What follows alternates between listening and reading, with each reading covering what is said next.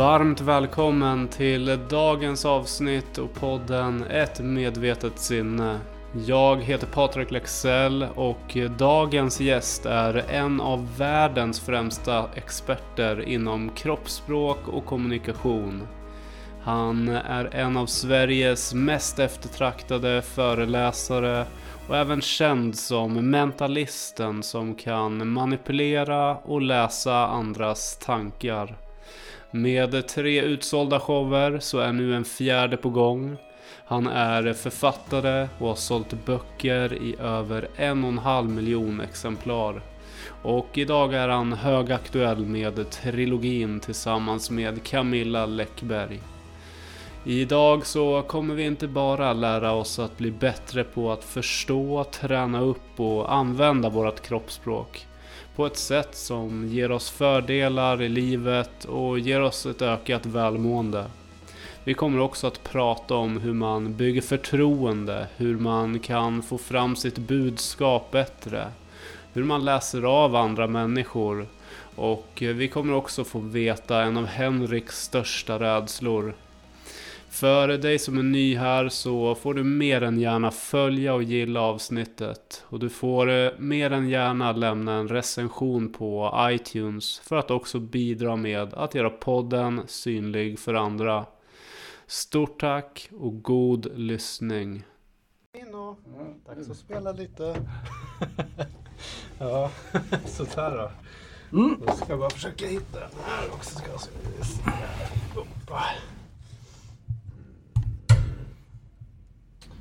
Varmt, varmt välkommen till ett medvetet sinne. Henrik. Tack så jättemycket. det är så trevligt att ha dig här. Och vi har ju suttit här med Sid nu mm. i en stund. Men nu är vi up and running. Eh, och jag har faktiskt en liten överraskning till dig. Jaha. Som, vi ska se, jag ska ta upp en bild. Jag var lite så här, det var inte tänkt att jag skulle göra så här, men. men nu gör vi det. Nu ska vi se. Kan jag beskriva den här bilden för de som lyssnar sen? Eller? Mm, det kan du få göra. Mm. Ja. Om du kan. Beroende på vad det är. Exakt. Ska vi se här. Så nu får jag din telefon här. Alltså. Jajamän, här har du telefonen. Jaha! kan du koppla vad det är? Uh, ja, absolut. Det här är taget i Humlegården. Och det är en intervju som jag gjorde för... Uh, nej men vänta, det är inte alls Humlegården, det här är idag. Exakt. Det är ju nu. Det var, nu. Det var så jäkla likt en grej jag gjorde för, för tio år sedan nämligen. Jag vill bara tala om att jag ser ung ut. Nej men ja. precis, så det här är ju parken, men precis här utanför där vi var och spelade in lite sociala medier. Timmen ja. innan vi träffades. Ja du ser. jag, jag alltså... tänkte det först och tänkte nej det här är lurigt, det här är Humlegården-grejen. Det är någonting på gång. Ja, jag har ju suttit och haft span på dig mm. och eh, jag vet inte riktigt vad du gjorde där ute men jag tänkte så här, fan är inte det där Henrik? jo då. så jag måste... omkring här i Vasaparken och betedde mig som en galning. Ja, ja, du hade fotografer efter dig och de gick runt och knäppte lite bilder mm. och så här. Vad, what's up? Eh, nej men det där är eh, lite innehåll till sociala medier bara. Okej. Okay. vi, eh, vi gjorde tio stycken filmer på en gång och sen så ah. pytsade ut dem efter efter ett tag. Så det, det, är ju alltid det där att det gäller ju att, eller gäller, det, det finns väl ingenting som gäller med det här men eh, den typen av eh, innehåll jag har på sociala medier behöver ju hela tiden förnyas och folk hör av sig, vill veta saker och eh, ha information och då försöker jag och de jag jobbar med hela tiden hitta nya sätt att, att presentera det på. Mm. Så att det här är ett, ett sånt försök helt enkelt. Får vi se om det blir bra. Spännande. Kan du avslöja något? Ja men gud ja, det är ja. inget speciellt. Det, det, är så här, det är ju, vi trendar ju lite nu och har gjort någon månad att göra sån här nästan TikTok-aktiga grejer med mm. tre tips om tre saker tänka på. Okay. ja men eh, jag brukar, jag brukar ha en tendens att breda ut mig. Om jag ska göra en liten kort informationsfilm så blir den gärna 3-4 minuter lång. Så att eh, mm. nu ska jag försöka se om jag kan kommunicera någonting vettigt på några sekunder istället. Den är inte lätt. Nej, nej, det är, det är en jäkla utmaning faktiskt. Ja, jag har hört det förut från de som är lite stora på Instagram att de tycker det är en svår plattform att jobba med just för att man inte kan eh, bredda sig så ja. äh, långt. Det är väl max en minut man kan spela om man ska ha det i en viss eh, del av Instagram och så vidare. Ja, men och sen är det ju också det här med folks attention span. Mm. Att nu är det ju liksom, man har tre sekunder på sig och då bör man ha levererat sitt budskap. Och bara, ja, det är ju svårt att nyansera sig då. Liksom, ja. det gäller att ha någon slags eh, boom i början ja, så man fångar dem. Verkligen. Ja. Men, och det är ju det som, eh, du är ju eh, expert på kroppsspråk och eh, det är ju lite det som du är här för. Mm. Det här med kommunikation, Ja. hur man fångar attention och så vidare. Det finns ju många inspel och jag ska försöka att inte bredda frågorna för mycket för då, då är vi ute och seglar i flera timmar. vi har inte alla timmar tyvärr. Men vi ska se här. Eh, Det jag tänkte att vi ska börja med är eh, först och främst så vill jag gratulera såklart till eh, böckerna med Ja men Läckberg. tack. tack. Fantastiskt. Ja det är roligt. Mm. Eh. Och oväntat och overkligt på alla sätt. Men, men mest roligt. ja. Och nu är ni, det är Kult som är ute nu. Precis, Kult som är i bok nummer två. Ja. Som är helt rykande färsk. Mm. Och sen vi var ju väldigt snabba på, bok ett kom ju i höstas så tvåan redan nu. Så brukar man normalt inte göra. Speciellt Ja, inte med just tanke på hur tjocka de är. Mm. Men eh, den tredje och avslutande delen kommer då vänta ett år. Ah, så att om ett år ungefär, då får man veta hur allting, hur allting slutar. Ah, ja, ja. Eh, Och Är det, det- det är väldigt roligt att ha haft ett sånt det är klart att eftersom det är deckare så är varje bok fristående men, men hela idén var liksom om den här storyn som ändå spänner någonstans över tre böcker. Så redan när vi 2019 började skriva så visste vi vart vi skulle, vart vi ville landa när vi Mm. klarar 2023. Eh, och det är rätt coolt att ha jobbat så intensivt i ett så långt projekt och hela tiden veta vart vi är på väg och ingen annan vet det. Det är Mm. bara som vi, vi som vet, det är väldigt roligt. Den är spännande. Kan du känna då att eh, kan du redan nu veta vad du kommer få för feedback och liknande eller? Nej, däremot inte, ingen aning. Nej. Därför att vad jag tror och tycker om saker betyder ju absolut inte att det är värderingar som jag delar med, med någon annan överhuvudtaget. Jag kan ju tycka att det är fantastiskt och vi kommer bli fullkomligt hatade. Eller precis tvärtom. Ja. Eh, man kan, och det är det. Men och så är det med varje bok jag skriver. Även om det är fackböcker eller skönlitteratur. Så Mm. det går aldrig att förutse hur det ska tas emot. Mm. Eh, kommer, kommer folk tycka att det är intressant? Kommer de vilja läsa det överhuvudtaget? Det, det går inte att veta det. Mm. Ja, nej det är sant. Sen kan man, det beror lite, jag tänker om man kör som en podd nu då.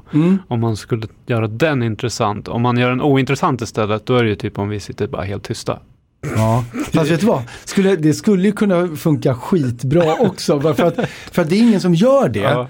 Och då är vi så primade till att tänka att men, då, det kommer ju komma någonting. Och ju längre de är tysta, desto, eh, desto bättre kommer ju vara det som kommer sen. Jag tror man skulle kunna dra på det ganska länge. Ja, sant. Ica, ja, två bra exempel på det här. Eh, Big Brother. Mm. Nu seglar jag redan iväg. Kör, Big- kör. Big Brother eh, för massa år sedan Mm. så hade de, eh, en, under någon säsong så hade de en, de startade en egen tv-kanal. Som direkt sände 24 timmar om dygnet från, från Big Brother-huset. Och, eh, och sen en gång i veckan klipptes det ihop då liksom till den veckans program. Och eh, det, det gick då på kanal 5 och de hade en stor tv i receptionen som då visade liksom eh, Big Brother-liven. Och jag kommer ihåg att jag var där och skulle träffa någon kompis, käka lunch och jag stod i repan och väntade på honom. Och då är det ett klipp från, det, det, är, det är liven och det, det sitter två personer i två solstolar ute vid en fasad och solar. Och de gör ingenting för de bara sitter och solar. Men min hjärna vet att så gör man inte tv. Så att jag var bara, "N- det kommer hända någonting snart. Nu kommer det någonting och ingenting hände ju förstås. Och jag hade svårt att slita mig från den där tv, de här Ah. två figurerna. För att vara där. Men det kommer ju någonting och det kommer vara så jävla bra. Fast jag visste att det inte var så rent rationellt. Jag tror även att ICA kapitaliserade på det här när, det, när reklamfilmer på YouTube dök upp liksom först och blev stort. Då då var det ju någonting med, det var någonting med längden på dem i alla fall vill jag minnas som var lite, lite kontroversiellt. Man kunde göra dem så jävla långa. Mm. Och då var det, jo men det var, ja. Och då vet jag att de gjorde en reklamfilm som var, det var samma reklamfilm som var, som gick på tv. Det var en 30 sekunder lång ungefär. Det är bara att efter de 30 sekunderna fortsatte den på YouTube med typ ingenting. Att de säger ja nej men tack för oss, vi går väl härifrån då. Och så filmar kameran bara tomt och efter ett tag så kommer någon av skådespelarna tillbaka. Är de, de är fortfarande kvar och tittar. Ja, men det, det kommer verkligen ingenting mer nu, det är slut. De försvann, någon minut senare kom, den var fem minuter lång. Och det enda som hände under de sista fyra och en halv minuterna var att de då och då kom in och sa att på riktigt det är slut, ni kan stänga av reklamfilmen. Såg jag den till slut? Självklart jag gjorde! Jag tror många med mig. Ja. Så en podd där vi sitter tystna, eh, tysta, varför inte? Ja, intressant. intressant. Nu vill ju jag så gärna prata med dig dock, men Du får göra den grejen med någon annan. Låtsas att du har en gäst bara. ja, det ska jag Jag är göra. här med Elon Musk och vi ska göra ett tystnadsexperiment. Elon, vad har du att säga om det här? Exakt. ja, det kan vara bra. ja, men eh, okej, okay. så om vi hoppar in på just det här med kroppsspråk då. Mm. Eh, för där har vi ju, eh, om man kollar, alltså rent så här, kroppsspråk, det är liksom hur, hur vi rör oss med kroppen, mm. tänker jag.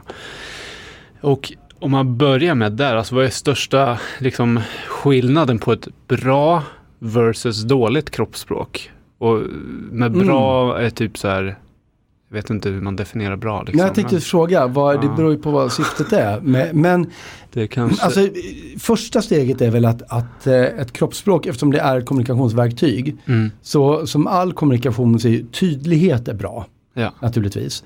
Eh, och sen är det också så att kroppsspråket använder vi ganska ofta till att förstärka vårt verbala språk eller vårt tal. Mm. Och då är det bra om de två uttrycker samma sak förstås. Just det. Eh, men om kroppsspråket uttrycker någonting annat än de talade orden, då behöver inte det betyda att kroppsspråket är dåligt för det. Eh, däremot så har vi ju, kommunicerar vi två olika saker samtidigt. Mm. Och då brukar man säga att, att eh, får jag två olika budskap av någon så ska jag alltid gå på det budskapet som de inte har tänkt så mycket på. Och kroppsspråket är ofta det som vi inte tänker så mycket på. Ah, Okej, okay. så om jag exempelvis då eh, ska säga ja, men mm. kroppsspråket visar nej. Exakt. Då är det nej som jag egentligen, ja. det, det, det är starkare.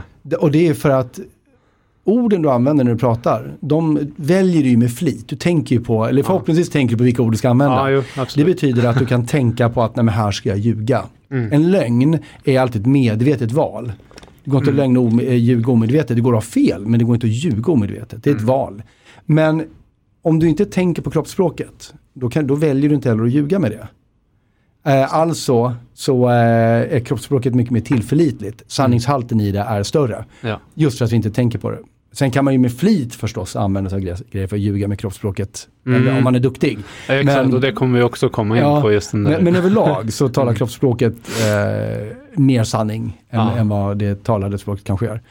Um, mm. Men för, för frågan då med bra och dåligt kroppsspråk. Mm. Så ett bra kroppsspråk jag skulle säga så här, ett bra kroppsspråk, kan jag inte prata idag. Tror att det är det ordlösa som jag är bra det är det, på. Det är det du är bra på, ja, den här nej, nej, men ett bra kroppsspråk är väl, liksom, det är väl ett kroppsspråk som sänder mm. ut de signaler som du vill kommunicera. Mm. Och, skulle jag vilja tillägga, också hjälper andra att bli trygga i er kommunikation, att känna att du är beredd att lyssna på dem och kommer att förstå dem. För allt det kan man signalera ordlöst. Mm. Så det skulle jag säga är ett bra kroppsspråk. Mm. Sen kan det se helt olika ut för var och en. För vi, vårt kroppsspråk är så beroende av vilka vi är. Som människor har vi långa eller korta armar. Mm. Alltså allt det spelar roll. Mm. Okej. Okay. Ja, men intressant. Du är inne på någonting väldigt intressant. Och det är ju så för eh, det jag tänker också som, som du är inne på med dåligt kroppsspråk. Det är ju verkligen om jag eh, att jag ska visa att jag är intresserad av dig och lyssnar på dig. Om jag då sitter och kollar bortåt här nu. Mm inte så jättebra kroppsspråk. Även om jag pratar med dig så blir det direkt Ja, eller det blir ju tydligt kroppsspråk men det mm. skickar mm. inte ut den signalen som du, eh, som du vill. Nej, precis. så det, och den eh, tänker jag också, i och med som du är inne på, kroppsspråk är eh, någonting som eh, sker mer automatiskt än mm. orden. Mm.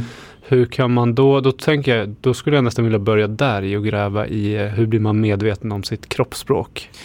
Det första är ju eh, att inse att man har den här kommunikationen och hur mycket det faktiskt påverkar de möten man är i. Mm. Och det tror jag inte, det kanske har blivit bättre nu men eh, när jag började skriva böcker så var det ingen som tänkte på det eller förstod det. Och, och när jag då började föreläsa, man gjorde lite övningar och så vidare så blev folk nästan chockade i hur, eh, hur stor påverkan det faktiskt har. Så det första är den insikten egentligen bara. Och eh, sen kan det vara bra då titta lite på sig själv. Vad mm. gör jag i vissa situationer? Speciellt om, det, om man vet med sig att det finns situationer där man inte, eller där det blir annorlunda än vad man vill. Mm. Det kanske är så att man vid varje måndagsmöte känner, men, men jag som liksom tyckte att jag var så tydlig och så blev det, jag bara missförstådd. Eller de tyckte att jag var arg och jag försökte ju bara vara, vara hjälpsam. Liksom. Var, när det blir fel i kommunikationen, då mm. kan man naturligtvis fundera på vad man har sagt. Men också, vad, men vad gör jag med kroppen? Mm egentligen i de här situationerna. Just det. Jaha, eh, och, och, just det. och hur kan det tolkas? För ja. det är en grej att det är ingen som har, du har ju väldigt stora delar av ditt kroppsspråk, även om det sker automatiskt, så har du ändå lärt dig de här grejerna. Det är liksom, du, har inte med, du har med en del genetiskt, men det mesta har du lärt under din uppväxt. Mm. Eh, för du har tittat på hur andra gör. Ja. Problemet är ju bara att de lärde sig också genom att titta på hur andra gör. Och vem sa att de var bäst i världen på att lära ut kroppsspråk. Så att chansen är ganska stor att åtminstone en del av vårt beteende har vi lärt oss lite fel. Mm. Vi skickar ut en signal som vi upplever betyder någonting. Mm. Men som kan tolkas på ett helt annat sätt utifrån. Ja, just det. Och eh, om jag alltid rynkar pannan när jag vill, eh, när jag vill visa att jag eh, är engagerad i någonting så måste jag förstå att nedsänkta ögonbryn och spänd käke också kommer se ut som ilska. Mm. Just det. Så att eh, det är också en väldigt viktig sak att fundera på. Vad, vad gör jag och hur kan de signalerna tolkas utifrån? Ja. Och det kan man ju googla eller man kan läsa mina böcker. Eller Ja. det, det finns ju, det har gjorts jättemycket studier på det. Mm. Där, där man kan se ganska tydligt att, för det är ganska universellt. ja, tänker det också. Ansiktsuttryck och rörelsemönster tolkas på ungefär samma sätt av de flesta Mm. människor på planeten. Sen finns det vissa undantag till Ja. exempel. Men, Men sen är det ju som du också var inne där i början, det här att ehm, eh, för vi lär oss kroppsspråket redan som unga liksom. Mm. Och då, vi säger att jag lär mig som ung att när jag hälsar på någon, så om, om vi tar liksom konceptet nu som är covid, hur hälsar man på mm, folk? mm, Och det här kanske då kommer fram nu att när man var liten så kramades man, man skakar i hand, man har lärt sig liksom hur Mm. man hälsar. Jag morsar bara genom att vinka. Hur, eh, och där finns det något rätt och fel där egentligen, förstår du vad jag menar? Eller, Menar du specifikt hur man hälsar eller? ja, eller ja, generellt alltså om jag typ säger att du visar näven. Normalt kanske man blir lite rädd, jag Mm. sänker mina ögonbryn lite. Då kanske du tänker att nu är han förbannad på mig. Det är ju Finns rimlig det, ja, jag tänker tänk om det är någon annan som tänker så här, fan vad nice det här är. Förstår du? nej, nej, alltså, är vi fortfarande inne på den här hälsosituationen eller, eller menar du bara överlag om du kommer fram till mig och visar näven? Ja men överlag, Nej men, nej, men det är hur väl du det. tolkar det. Nej men det är väl det att det finns ju universella aggressivitetssymboler naturligtvis. Och jag, jag har svårt att tänka mig en situation där, där man skulle använda sig av det kroppsspråket, dra ner, dra ner eller ry- rynka pannan och, och sticka fram en näve utan att tro att man blir tagen som aggressiv. Det, det, den är så tydlig. Men, Ja. men, men, eh, Mm. men, men däremot kan det ju vara så att om, om det finns en gest, till exempel om vi tar liksom fistbumpen, om det är den näven Mm. man egentligen vill göra. Mm. Om man inser att, att det här, men då vet vi ju någonstans inom oss oftast att det här kan också vara en aggressiv Mm. rörelse, så därför kompenserar vi den. Vill jag fistbumpa Ja, det när gör du det. håller sådär? Så. Eh, och vet man då att nu, nu är ju den inprogrammerad, vi vet att vi hälsar så, men Exakt. innan det är helt vanligt, då kompenserar vi det Mm. genom att vi gör den aggressiva gesten, men vi lägger också på en massa saker eh, som är vänliga. Vi tar ögonkontakt, vi ler, vi lutar oss framåt, allt det Mm. vi gör när vi normalt hälsar. Ja. Och då har vi använt, för kroppsspråket är ju egentligen aldrig bara en liten del, det är ju ett helt paket med grejer. Mm. Och använder vi då alla de signalerna som vi använder vid hälsning, Mm. men vi har bytt ut en istället för att skaka hand så sträcker vi fram en näve. Ja. Då är det ändå förhoppningsvis en tydlig, tillräcklig signal åt mottagaren att det här är en hälsning, Ah, men den ser inte riktigt ut som du är van. Just men det. du känner igen till många delar. ja. Och det är någonting när man tittar på kroppsspråk hos andra, Mm. För att vara riktigt säker på vad det är man för signal som skickas ut. Så tittar man allt på vad man kallar för kluster. Det vill Mm. säga det räcker inte med att se ett eh, sänkt ögonbryn eller en blickriktning utan fyra, fem olika signaler samtidigt Mm. behöver man plocka upp. Därför att det kan ju också vara så, apropå det vi pratade om, att man lär, lär sig de här sakerna eh, individuellt. Så kan det ju vara så att ett visst beteendemönster bara är hur en person är normalt. Även om det råkar vara det som alla andra i hela världen gör när de, vad vet jag, är arga säger vi. Så kanske för just den här personen bara är deras normala beteende. Ja. Så att därför kluster och också förändringar i kroppsspråk. Mm. Förändringarna är nästan, om inte viktigare så lika viktiga som själva signalerna i sig. Mm. Okej. För att om du, om, om, vi, om vi är i en situation där du säger att du är arg Mm. och när du säger det också får den förändringen i ditt kroppsspråk, då kommer det stärka de orden väldigt mycket. Just det. Men om du alltid ser ut så och sen säger nu är jag arg, och då upplever jag ingen förändring i ditt känslomässiga stadie. För att du Så ser ut sant. som du alltid gör. Det är sant. Det är sant. Och den där kan man nog uppleva. Det finns säkert fler sådana som upplever det. Att man kanske ja, men ta att man inte blir lyssnad på. Mm. Att man kanske sitter i ett möte och inte riktigt blir hörd. Första gången så lyfter jag rösten men fortfarande ingen respons. Inte den respons jag vill i alla fall. Eh, och det har då mycket med kanske att man eh, inte uttrycker sig så mycket eller att man är väldigt layback. Ja, det kan det vara. Eh, sen i en sån situation kan det ju förstås vara så att man inte, att man faktiskt inte blir hörd också. Mm. Eh, det, det vet jag ju många som, eh, som upplever att de har just det problemet på sina arbetsplatser, att, att eh, ingen lyssnar på mig. Mm. Och det tror jag beror på många fler faktorer än bara den individens kroppsspråk. Men det Ja. kan absolut vara en bidragande faktor. Mm. Just det. Ja, den är, jag bara försöker tänka på hur det var när man jobbade fysiskt. Ja, just Jag det. jobbade På den gamla nu. goda tiden. Ja, exakt, då hade man ju kroppsspråket på ett Ja. annat sätt. Eh, nu sitter man och ser huvuden sväva runt i Teams liksom. Och Mm. det, är så här, Mm. det är inte lika lätt att greppa varandra, känner jag i Jättesvårt. alla fall. Ja. Ja. För att det är också när vi pratar, jag menar fortfarande i de teamsmöten jag har i alla fall, är man några personer så blir det att alla pratar mun på varandra och sen tystnar alla och det startar och stoppar och liksom det blir inget bra. Mm. Och så har man så här handuppräckningssystem och så, då blir samtalet liksom, det blir inte lika konstruktivt och kreativt som det skulle kunna vara. Och det är för att i normala fall när vi sitter i möten, ett mänskligt samtal det är lite sådär att vi går in ur varandra, vi avbryter varandra, någon kommer på, det, det flödar lite fram och tillbaka och det behöver göra det för att vara konstruktivt. Och orsaken till att vi kan göra det live, Mm. det är för att vi skickar en massa små ordlösa signaler till varandra som, liksom, som kontrollerar de här variablerna. Det är lite som att det sitter liksom en eh, någon, någon dold ljudtekniker bakom ett skynke och höjer och sänker oss liksom i perfekt synk. ja, det. Eh, Fast det är vi som gör det med varandra. Men när man sitter i de här Teams-mötena eller Zoom-mötena, kan vi inte skicka ut och vi kan inte plocka upp de signalerna på samma sätt. För de är så små, Mm. så att när vi har de här frimärksansiktena, det försvinner liksom. Ja. Eh, och där, det är därför samtalen blir så hackiga. Mm. Och då tänker jag på att om man nu för då blir ju kommunikationen försämrad. Absolut. Jag, eller hur? Ja. Så, och kommunikationen är ju viktig. Man pratar ju mycket om hur viktig kommunikationen är i företag och så vidare Mm. generellt.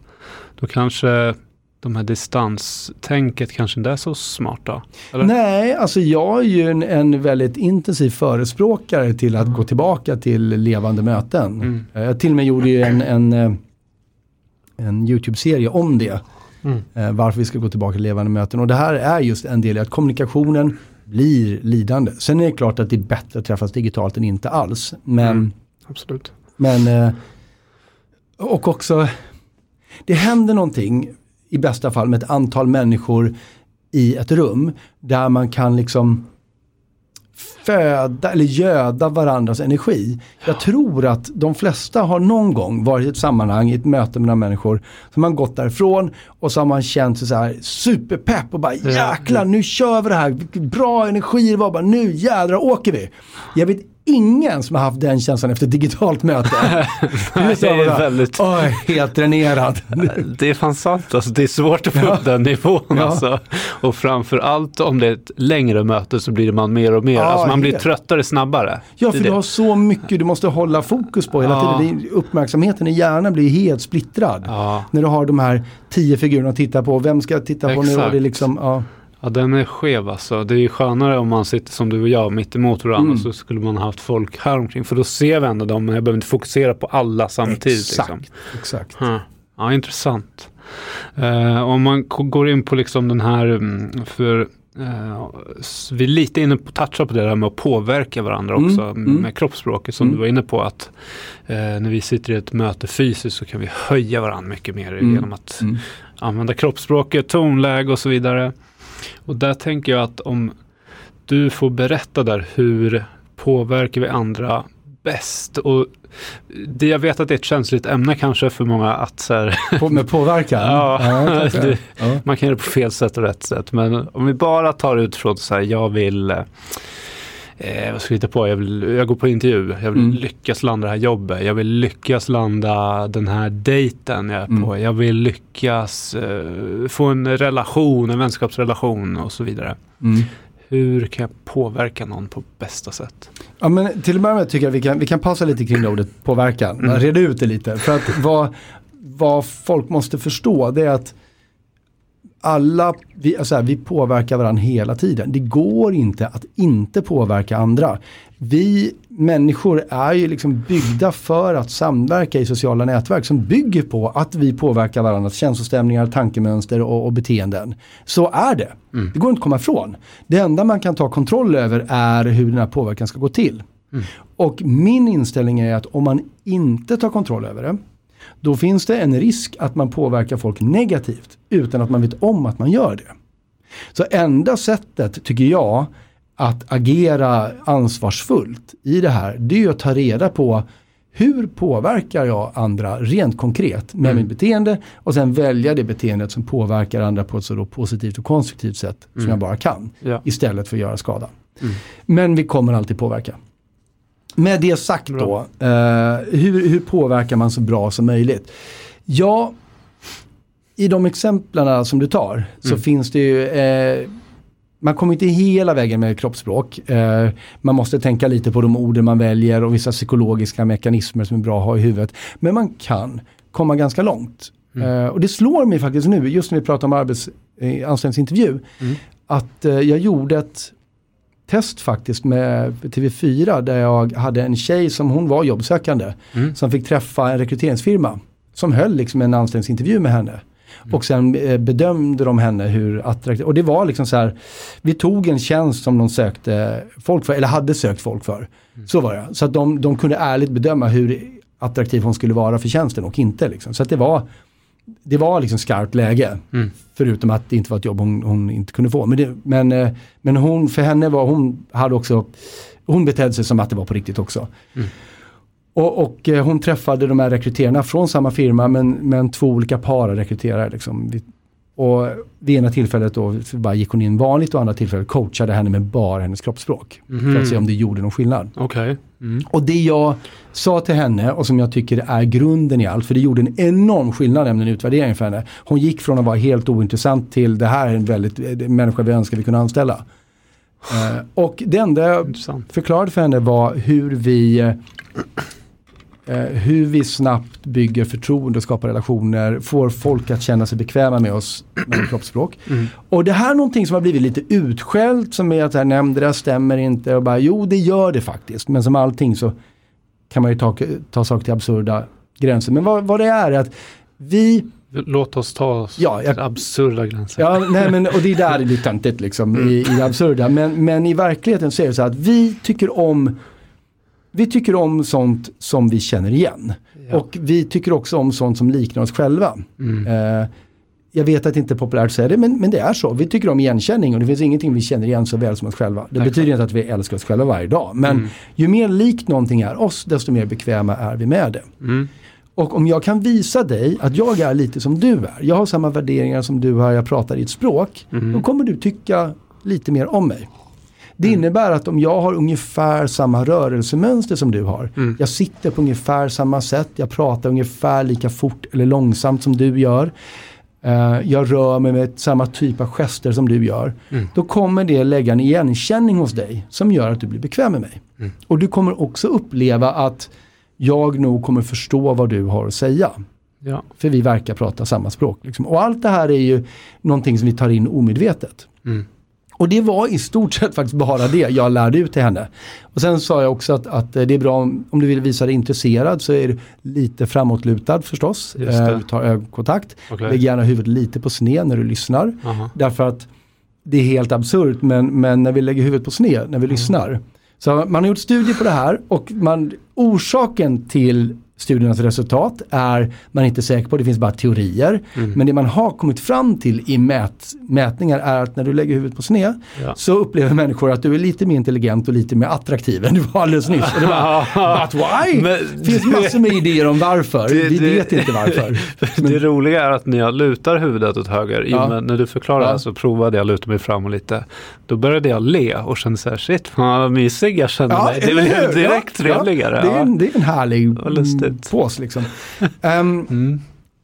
Och så, så det, det, är liksom ett A egentligen i, i kroppsspråket. Att vill du bli inkluderad och att folk ska känna att de har förtroende för dig. Mm. Då handlar det om att de känner att du har förtroende för dem. Ja. Och det känner de när de känner att du är ungefär som de är. Ni pratar, ni förstår världen på samma sätt. Mm. Och det visar du omedveten genom att använda kroppsspråket. Och jag ska säga det, eh, den omedvetna kommunikationen är väldigt ofta mycket, mycket starkare än den medvetna. Därför att den medvetna kommunikationen, det talade ordet, passerar en massa så analysfilter och säger, när du nu lyssnar på mig när jag pratar väldigt, väldigt fort och väldigt mycket om de här sakerna så tänker du på alla mina ord.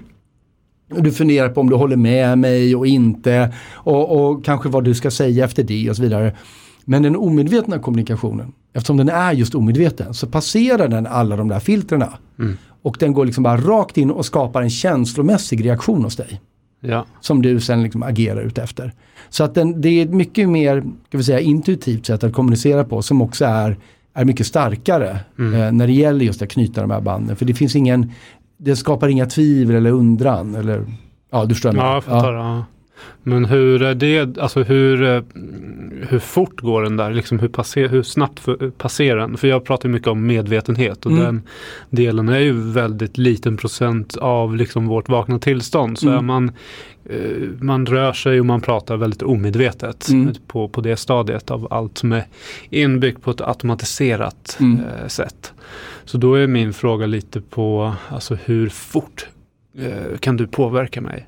Att bli, eh, gå in på de omedvetna kanalerna. Ja, men jag, skulle säga att det, jag, ja. eh, jag skulle säga att det, är, det sker omedelbart. mm. Därför att om du, förutsatt nu att du som alla har den här programmeringen, att till exempel det vi pratade om att, att eh, jag tycker om och känner mig trygg med sånt jag känner igen, sånt som liknar mig. Mm. Det betyder det att i samma sekund som någonting, eller samma millisekund som någonting liknar dig, så triggar ju det igång. Ja, okej. Ja. så fort igenkänningen finns där. Mm. Hmm. Undrar om jag, det skulle vara kul att prova om jag, nu kommer inte jag kunna göra det, men om, om jag säger att jag skulle meditera extremt intensivt och bli så här helt eh, medveten och unconscious och Mm. inte gå in i att jag inte ska påverkas någonting. Undrar hur, alltså kommer du lyckas påverka mig ändå? Nu är ju Ehm, du expert på ja, det. men, så, men, men, men, nej, men det är en intressant fråga. Jag, jag tror, och meditation kanske är just verktyget för det, att jag tror att det mesta går att bypassa om man egentligen vill. ja. Eh, så eh, lägger du manken till så kan du nog säkert undvika att den där programmeringen kickar in. Mm. Om, om du verkligen jobbar på det. ja. Eh, men jag tycker inte det är eh, smart. Förutom, förutom att det låter som någonting som skulle ta otroligt mycket energi. Ja, gud, ja. Så är det ju så att, men som jag var inne på, att vi, vi människor vi fungerar som bäst när vi får samverka med varandra och påverka varandra. Det här är bra för oss, Mm. att det funkar så här.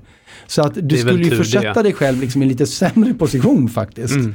Ehm, så här, jag, jag har full kontroll över mina egna reaktioner men jag står helt utanför resten av världen. ja, precis. Jag bara tänker på typ eh, om man tar, eh, det, fanns, det finns säkert massa sådana klipp, men det står ju vakter Mm, utanför slottet och Ja. så finns det några som går dit och försöker provocera dem. just det. Och de är helt untouchable, men inuti lär det ju koka liksom. Ja, jag Förstår tänker du? det också. De har Eller- bara väldigt bra pokerface. Ja, ja intressant det här. och eh, om man kollar på, för du är inne på det här med att eh, eh, vi rör oss lika och så, och så vidare för att få connection. Mm. Eh, och då, eh, just det här att läsa av varandra då. Eh, för det är inte, det är ju också, om vi säger att man vill göra det på medvetet plan. Mm. Eh, för nu när du rör huvudet snett så rör jag huvudet snett som du är inne på att vi ska Mm. liksom synka. Men om jag verkligen ska vara medveten på att så här, nu vill jag att eh, Henrik ska gilla mig jättemycket. Mm. Hur, eller rättare sagt, jag ska läsa av dig. Hur, Mm. Får se om jag gillar det eller inte. Exakt. Ja. Ja, men då finns det ju, eh, dels finns det ju specifika signaler som man kan titta efter naturligtvis. Okej. Eh, som är ganska kontextberoende. Mm. Men eh, det enklaste är nog kanske att, att först ta reda på liksom, vad, är, vad är de här signalerna Ja. eh, som jag kan leta efter. Eh, men sen kan man ju också, man kan ju testa liksom, den här relationen som vi pratar om. Om man nu märker att, ja, men titta här sitter Mm. vi och, och eh, har ungefär samma kroppsspråk. Mm. Då kan man testa den relationen genom att man gör en förändring i sitt eget kroppsspråk. Man kanske lutar sig fram. Ja. Man börjar prata mycket snabbare. Man gör en yvig gest och ser om den andra hänger på. Just det. Och då vet man att nu är det här väldigt tajt. För nu är det till och med så att när jag sen liksom går lite utanför så följer den andra med. Ja, just det. Då har man börjat dansa dansen. Liksom. Just det. Och det är där vi vill hamna egentligen. Där det, det ska inte alltid vara så att en för och en leder utan Mm. man växelverkar i det här. Det är då vi kommunicerar på riktigt. Yes. Och det är då det också känns som att liksom, ah, men nu, nu har vi flow. Grymt ju. Så det, det, är det är en bra test. Liksom, Den att, är grymt bra. Mm. Ja, du är inne som, och du var inne med på Let's Dance precis också. Det är lite Ja, det. dansa med kommunikationen här. Ja, eh, ja, just det. Det, det. det var ju väldigt intressant Ja. ur ett helt annat perspektiv. Men Let's Dance. Jag är ju för, för allt jag då, alla dansmetaforer jag använder så har ju dans varit en av mina liksom, största rädslor i hela livet. Eh, Okej. vilket kan ju verka Ah. helt bisarrt för det, är- vi sitter och pratar om kroppsspråk och Ja, jag det är mannen känns- som inte vågar dansa. Liksom. Ja, Men, det var kontrast. ja, Ja. men det har egentligen att göra med, med andra, liksom, en psykologisk programmering som jag hade från när jag var liten och var väldigt mobbad i skolan. Då får man, när man är mobbad då får man ett ganska bra utifrån perspektiv på sig själv, hur man Mm. beter sig, att man inte ska sticka ut. Okej. Eh, för att det man gör som sticker ut är det man kan liksom åka på stryk för. Yes. Eh, och av någon anledning så för mig så blev dans blev liksom en av de här grejerna som, men som, eh, som stack ut, som inte jag kunde göra. Men ändå var det så att man skulle alltid gå på mellanstadiediskorna och högstadiediskorna för det där var alla. Mm. Men, men fick absolut inte dansa. Och det där icke-dansandet fortsatte liksom. Sen när jag kom upp i gymnasiet, folk började gå på fest, man, ah, man går och dansar lite, så gjorde inte jag det. Och det där steget då, så jag fick liksom inte in det muskulära minnet eller den förståelsen. Okej. Va, va, hur gör man? Vad är det här? Ja. Och till slut så blev den tröskeln så stor så att men bara för ett halvår sedan så var det sådär om jag skulle varit på någon fest eller i en bar och de bara ah, bra låt, nu dansar vi. Så skulle jag ha utbrustit, eller jag, jag skulle börjat svettas och fått liksom frossa ont i magen och behövt gå hem. Det var på den nivån. Oj, ja. Eh, Så det var därför jag tackade ja till Let's Dance. Ah, Så jag kände att jag måste bli av med den här negativa programmeringen. Ja. Och jag måste bli det i ett forum där jag inte kan backa ur. Liksom. Fan modigt av dig. Bra jobbat. Eh, ja, tack. Det, det var ju... Eh, jag tyckte också det lät som en bra idé tills vi står där premiäravsnittet och Ah, ska gå ut på golvet. Och eh, jag tror att det finns ett klipp på TV4 Play när, precis när vi ska gå ut och man ser att Malin Watson, den fantastiska Malin som jag dansar med, hon håller så hårt om min hand så knogarna vitnar för hon känner att jag håller på att svimma. Oh. Jag, jag håller på att däcka liksom och vi ska dansa om 20 sekunder. Ja, nej. Eh, Så det var, det var vedervärdigt. Oh. Men eh, jag gjorde det. Så nu, eh, jag vet inte fortfarande om jag är killen som bara kommer gå ut på dansgolv och svänga mina lurviga. Men jag är åtminstone inte rädd för det längre. Nej, vad bra. Men det är ju ett jäkla big step också. Alltså, du vet, vi eh, har pratat tidigare om rädslor i några Mm. avsnitt och då pratar man om att man ska ta det stegvis. Nej, jag är inte riktigt... KBT. Jag är livrädd, jag kör det svåraste direkt. Det Ja, men det, det är kanske lite min personlighet så. Va- ja. Varför göra någonting försiktigt? Man kan göra det all in. Om man, kan få, om man kan få lite ångest eller jättemycket ångest av det. Nu tar vi jättemycket ångest på en gång. Bara igenom skiten direkt. Ja, igenom. Ja, Ja. så jävla bra. ja, det är fint. Men ja, rädslor, är- ja det var kul att ni har pratat om det. Det är någonting som jag är väldigt intresserad av. Mm. Eh, Mm. Det är, ja, det är Av, räd, av rädslor eller dans? Nej, rädslor. Ja, okej. rädslor. Ja. Det är någonting jag har funderat mycket på också. Så. Okej, ja, ja. Vad tänker du då? Hur? Nej, men att, att, vi, att det är så mycket som vi är rädda för och Ja. att alla, som jag ser att alla våra rädslor är ju egentligen grundade i en och samma sak. Och Mm. alltså vi är ju så här tillbaka till Maslows behovspyramid. Men, men den, för att om vi inte får vara med i gruppen, då får vi inte vara inne i grottan där det är varmt och finns mat, utan vi måste vara ute där det regnar och vi blir Mm. förkylda och tigern äter upp oss. Mm. Så det betyder liksom att den primära rädslan är ju liksom den, en social rädslan för utanförskap, att inte få vara med. Mm. Därför att en gång i tiden så var det lika med liksom att nu dör jag kanske. Mm. Och sen kan det ta sig uttryck i allt ifrån att man inte vågar säga ifrån när någon drar ett olämpligt skämt på jobbet till att man har scenskräck eller, eller vad det än är. Mm. Rädsla för döden, det, det, det är möjligt att den är en annan grej. Liksom. Men Mm. annars så tycker jag att det allra, allra mesta vi är rädda för handlar egentligen om det. Tänk om någon inte tycker om mig nu. Mm. Intressant. Varför var jag rädd för att dansa? Jo, för tänk om jag, tänk om jag är en tönt. Ja. Som om, och jag vet ju rationellt att det spelar väl ingen roll vad folk tycker om mig. Mm. Men det finns en liten del i min hjärna som säger att det är det viktigaste som finns i hela världen. Japp. Eh, Och- det där är, eh, ja, fortsätter att fascinera mig. Och den tänker jag också kanske är, för samhörighet är ju en av våra så här, grund, eh, alltså en Så av de det ju. viktigaste. Så om man nu är som, som du säger med dans där och så känner du kanske, tänk om alla kommer tycka att jag är en tönt nu. Du gör bort dig på något sätt eller du, bara, du dansar som du kan bäst och så Mm. tycker någon så här, fan vilken tönt. Och så blir du dömd och så Ja. är du utanför. Ja. Ja, det är ju en, det är som du säger, det är ju rädslan i det. Att hamna utanför och bli dömd. Ja. Det här att eh, inte passa in. Nej. Tänk om man har en jury som bedömer en i tv till exempel. det var det jag gjorde också, bedöm mig, bedöm mig. Det ut mig. Det är det Men- jag menar med att du så går in rakt in i rädslan. Men det är nyttigt också för att, för man tänker, eller jag tror inte man tänker rationellt de här sakerna, det, man känner bara. Mm. För samtidigt är det så att jag tror det är väldigt få som hamnar i en situation där de gör någonting som blev sådär och de blir bedömda som sen på riktigt tyckte att det var helt vedervärdigt. Utan man, jag tror många kan vara ganska okej med, äh, det fuckade upp lite, ah, ja, det var inte Ja. så farligt. Ja. Men det är just det där, det är någonting med det här med att bli bedömd liksom, Mm. som är... eh, Bedömd ja. och få ett nej. Ja, få ett nej. Man, inte man inte duger, man är inte bra nog. Ja, exakt. Då får man inte vara med. Ja, men där är också inte, ehm, för det här eh, med rädsla. Jag tänker själv när jag jobbade, jobbade inom försäljning när jag var 23 började jag med det. Så jobbade man det i två, tre år. Eller om det var tre, fyra. Ja, runt tre i alla fall. Och då var det dörrförsäljning. Mm. Eh, och jag hade jobb inom bygg och sådär innan. Där är det väldigt mycket man står med sin hammare själv och står och Ja, smäller liksom. Det är inte så mycket konversationer. eh, mer än liksom tugget i fikarummet. Ja. Så när man kom till första dörren och eh, jag skulle berätta, jag liksom eh, typ tre saker jag skulle säga. Hej, jag heter Patrik och jag kommer ifrån eh, eh, min el tror jag vi körde då, Mm. eller Telge Energi eller nå- något elbolag. Och jag kunde knappt få fram de orden när Nej. dörren öppnades.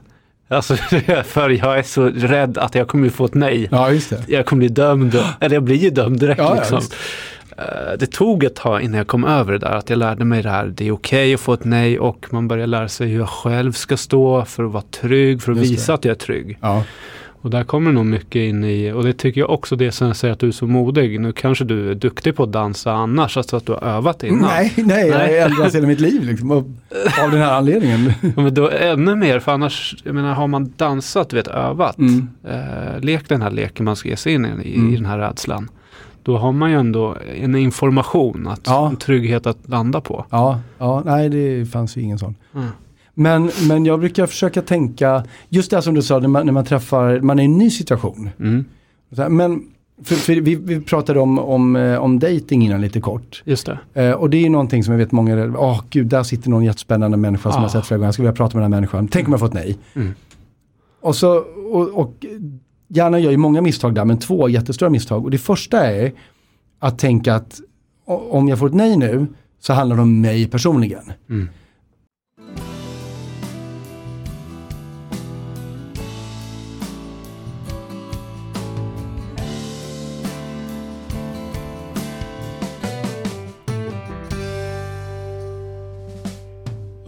Under eh, nästa veckas avsnitt så kommer vi tillsammans med Henrik fortsätta att se över dating och att övervinna sina rädslor. Vi kommer se över hur man vågar ta kontakt och skapa nya relationer. Vi kommer också träna upp och utmana den sociala kompetensen där Henrik fortsätter att belysa oss om viktig kunskap i kommunikation för att få igenom sin vilja och få ett ökat välmående genom att förändra sitt kroppsspråk. Stort tack för att du har varit med och kom ihåg att följa podden så hörs vi snart igen.